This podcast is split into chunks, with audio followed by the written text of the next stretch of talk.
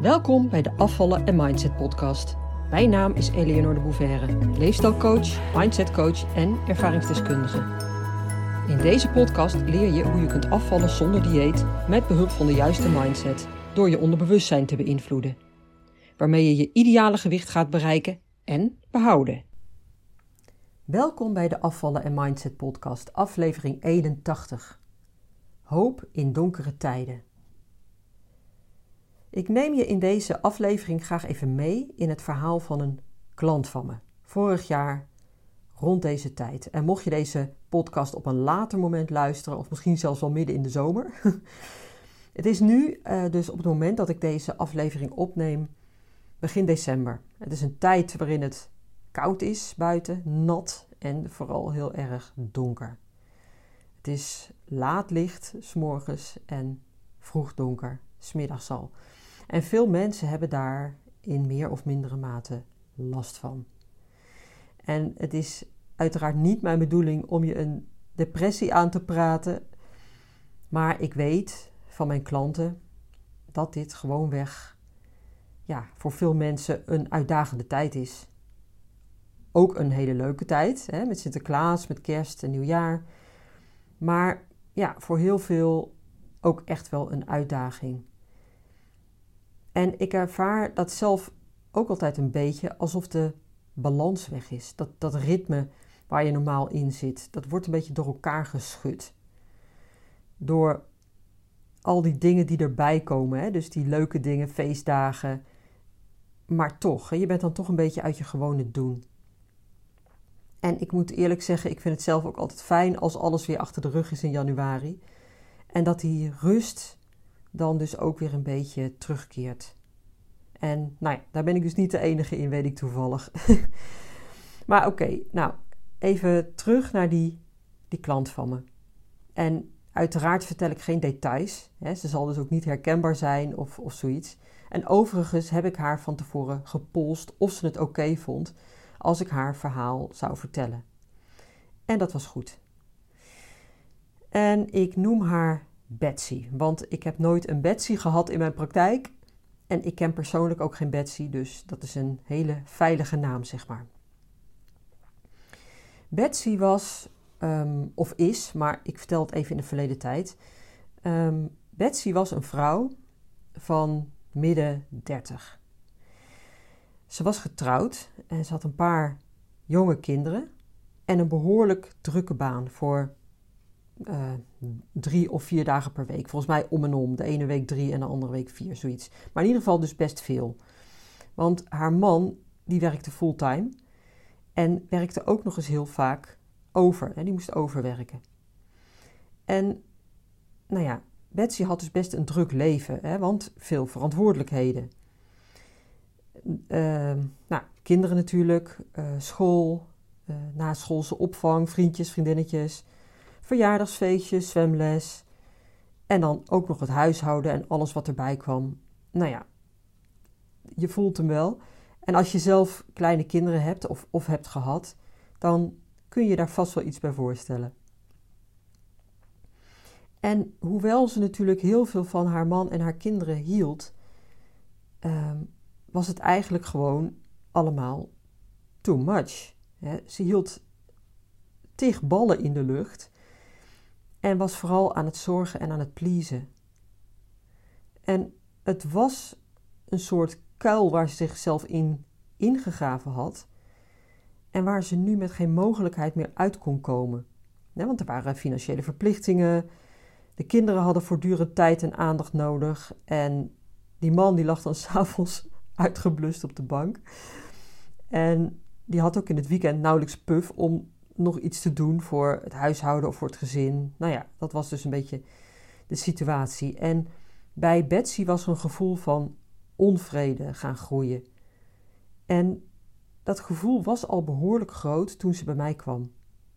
Want ze merkte dat het gewoon niet meer trok. En om alles maar te kunnen volhouden, was ze dus ook nog eens flink gegroeid. Ze was sinds haar trouwen dat is ongeveer acht jaar daarvoor, zoiets, was er zo'n 30 kilo aangekomen. Ja, dat is het bekende verhaal, hè, wat ik heel vaak hoor. En slank in je trouwjurk. En nou ja, daarna dan komen de kinderen. En lukt het je niet meer om nog enigszins in de buurt te komen van dat ideale gewicht. Hè? Van dat gewicht wat je had toen je trouwde. Maar dat is dus wat Betsy zelf tegen mij zei als de oorzaak van haar overgewicht. Om haar drukke leven vol te kunnen houden, had ze eten nodig om zich staande te houden.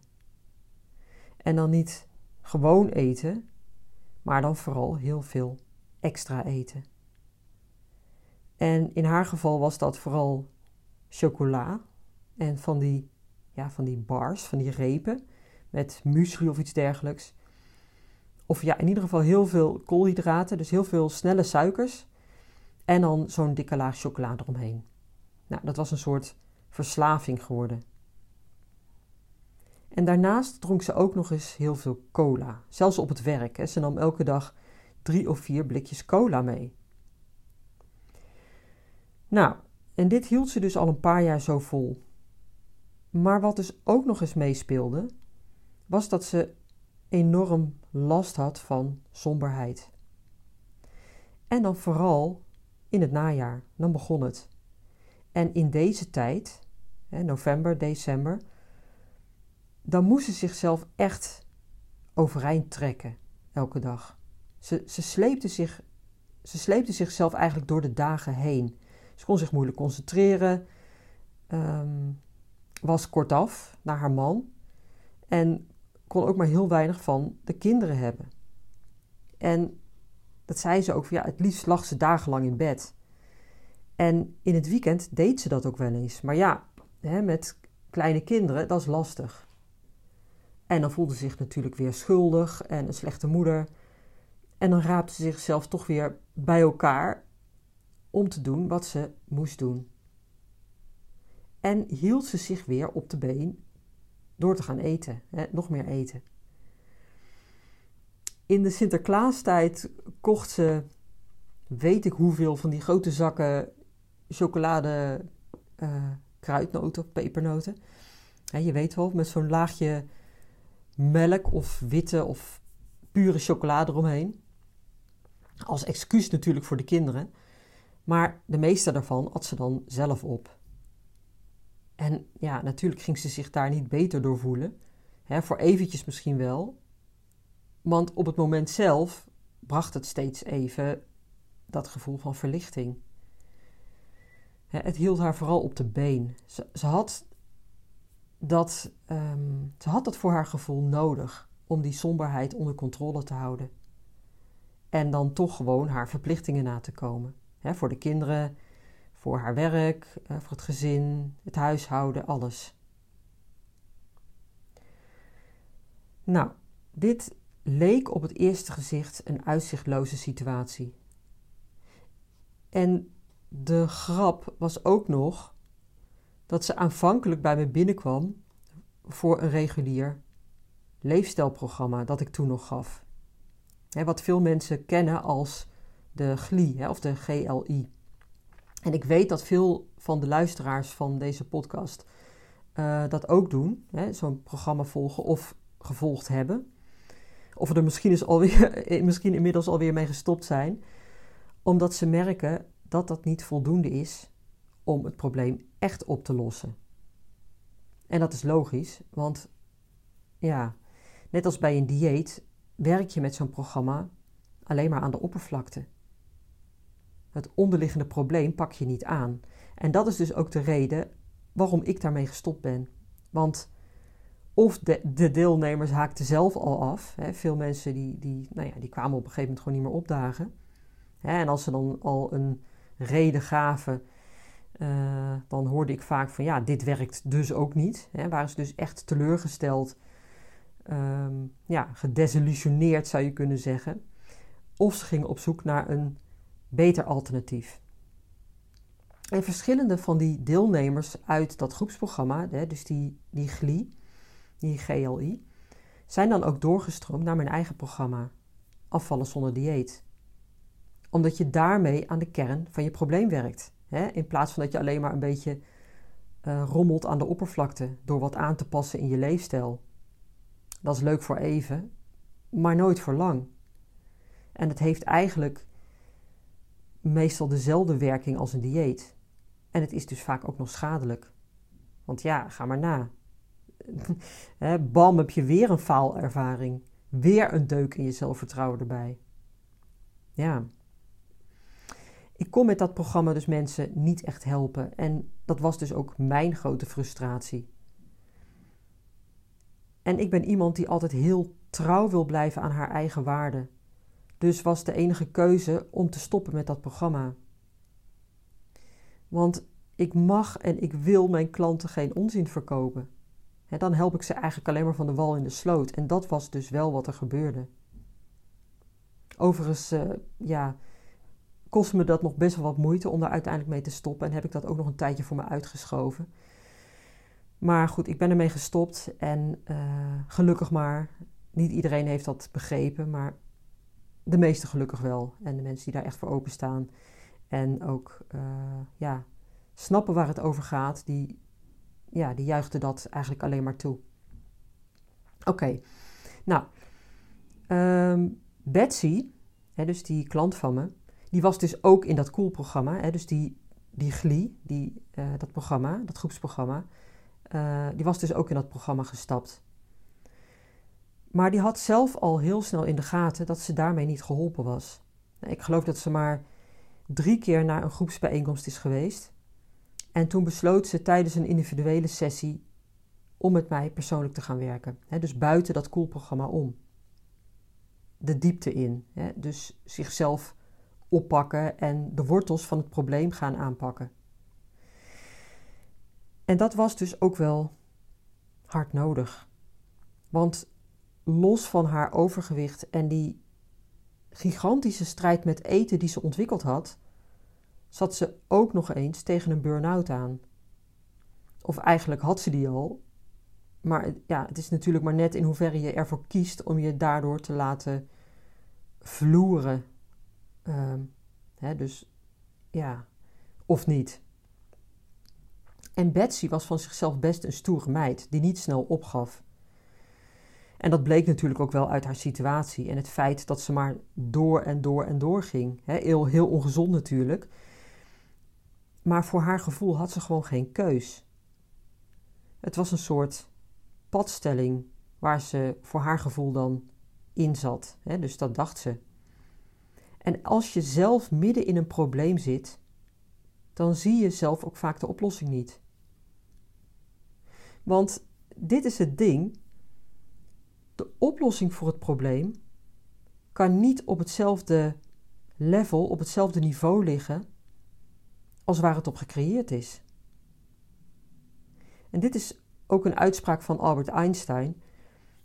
Je kunt een probleem niet oplossen door op dezelfde manier te denken als toen het werd gecreëerd.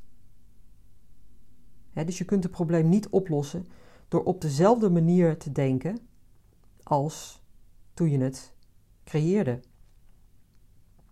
Je zult er dus anders naar moeten gaan kijken. Out of the box. En ja, dat is natuurlijk vaak knap lastig als je er zelf middenin zit. Daar heb je andere mensen voor nodig, die jou dat inzicht kunnen geven. Een goede coach met name, hè, die je aan de hand kan meenemen naar die oplossing. Die je laat zien wat je in werkelijkheid aan het doen bent. En die ook ziet waar de oplossing ligt en die jou daar naartoe kan leiden waarbij je zelf uiteraard de nodige stappen zult moeten zetten. Hè? In vertrouwen. Ik ben met Betsy dus aan de, aan de slag gegaan. En ja, dat was best wel pittig.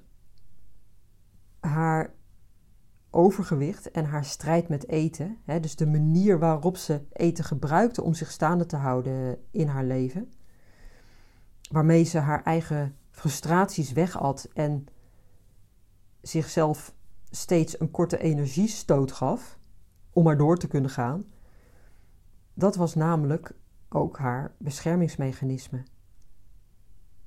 Ze hield zichzelf daarmee veilig, onbewust. En Al helemaal in die periode toen we daarmee startten, hè, in het najaar. Waar ze ook nog eens gigantisch last van had, hè, van, die, van die donkere dagen. Het was voor haar dus eigenlijk dubbele shit. Hè, die strijd met eten, die overtollige kilo's en die donkere, sombere periode. Die gigantisch op haar drukte.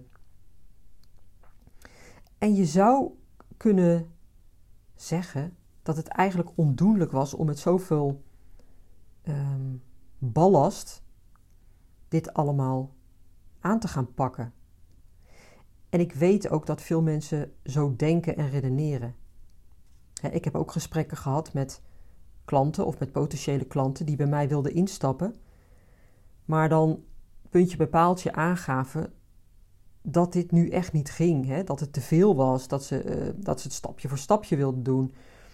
Dat ze eerst een ander probleem aan moesten pakken. Of erger nog, dat eerst een andere situatie opgelost moest worden of dat hun partner eerst zou moeten veranderen. Waarmee ze zich dus eigenlijk nog meer afhankelijk maakten van omstandigheden of van de mensen om hen heen. Wat trouwens ook regelmatig gebeurt, is dat anderen, hè, zelfs hulpverleners of een huisarts, uh, dat zeggen tegen iemand, hè, dat ze dat nu niet moeten doen, want het is te veel. En dat zeggen ze natuurlijk vanuit de beste bedoelingen. Maar ik ben het daar zelden mee eens. Waarom? Omdat het juiste moment altijd nu is. Uitstellen is nooit een goed idee. En hoe groot het probleem ook lijkt te zijn, er is altijd een oplossing. Sterker nog, als het probleem gigantisch is, is het vaak juist ook makkelijker om het op te lossen dan wanneer het kleiner is. Waarom? Omdat de urgentie dan ook groter is. En dus ook de, de, de drive om eraan te werken. En dan is er noodzaak, dan, dan is er een must. En dan neem je ook het besluit om te gaan veranderen. In plaats van dat je weer een beetje aanrommelt. Maar nog even terug naar Betsy. Dat heeft dus met haar ook wel de nodige uh, voeten in de aarde gehad. Om haar patroon, hè, dat veiligheidspatroon zeg maar, te kunnen shiften. Daarvoor hebben we echt diep moeten gaan. Want we kwamen er ook achter waar die somberheid in het najaar vandaan kwam. En zoals ik al zei, veel mensen hebben daar last van. En er is dus voor een deel ook wel een biologische component, hè, zoals bijvoorbeeld ehm, gebrek aan daglicht. Hè, ga maar na. Als het zonnig is en lang licht buiten in de zomer, dan voel je je vaak anders dan wanneer je vooral in het donker zit. Het is bijvoorbeeld ook heel ongezond om op een werkplek te zitten waar je totaal geen daglicht hebt. Er zijn mensen die in zo'n sombere kantoortuin zonder ramen of in een werkplaats werken en in de wintertijd hele dagen achter elkaar gewoon geen daglicht zien. Dat is zo ongezond. Maar bij Betsy speelde er meer mee. En los van die biologische factor. En trouwens ook nog een genetische factor, want depressiviteit zat ook in haar familie. Betsy, die bleek, um, volledig onbewust natuurlijk, die somberheid juist aan te trekken en vast te houden als excuus om zichzelf niet op een diepere laag aan te hoeven pakken. Want er lag heel veel angst onder. Angst die in feite niet eens van haarzelf was, maar vanuit haar familiesysteem voortkwam. Een soort overgeërfde angst, zeg maar. Die uiteraard ook als um, overtuigingen in haar jeugd waren doorgegeven voor een deel. Maar niet alleen op die manier. Want emoties en gevoelens zijn uiteraard gekoppeld aan overtuigingen die je hebt aangeleerd, maar die zitten vaak ook dieper geïntegreerd.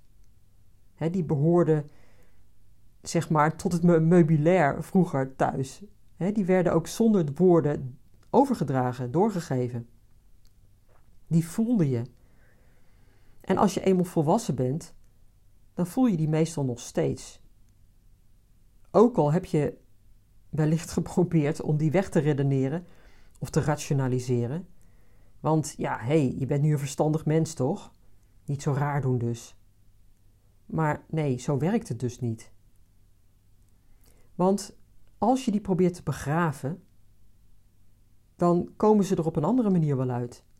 Zoals ook bij Betsy.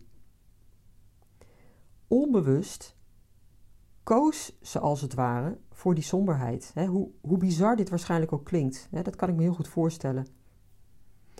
En ze gebruikte die somberheid als een soort excuus om niet verder te hoeven kijken. En hetzelfde gold voor haar strijd met eten.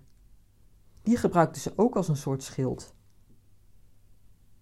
kom niet aan mij, ik ben sterk, ik kan het allemaal wel handelen. Ik red het allemaal wel. Tot het niet meer houdbaar was, met die 30 kilo aan overgewicht en alles wat er op haar bordje lag. Waardoor ze in feite vet overspannen was. Nou, dit was dus ongeveer een jaar geleden. En Betsy heeft bij mij ehm, een intensief één op één traject doorlopen. Wat ook nog een staartje heeft gehad trouwens, want ze heeft er echt heel diep voor moeten gaan.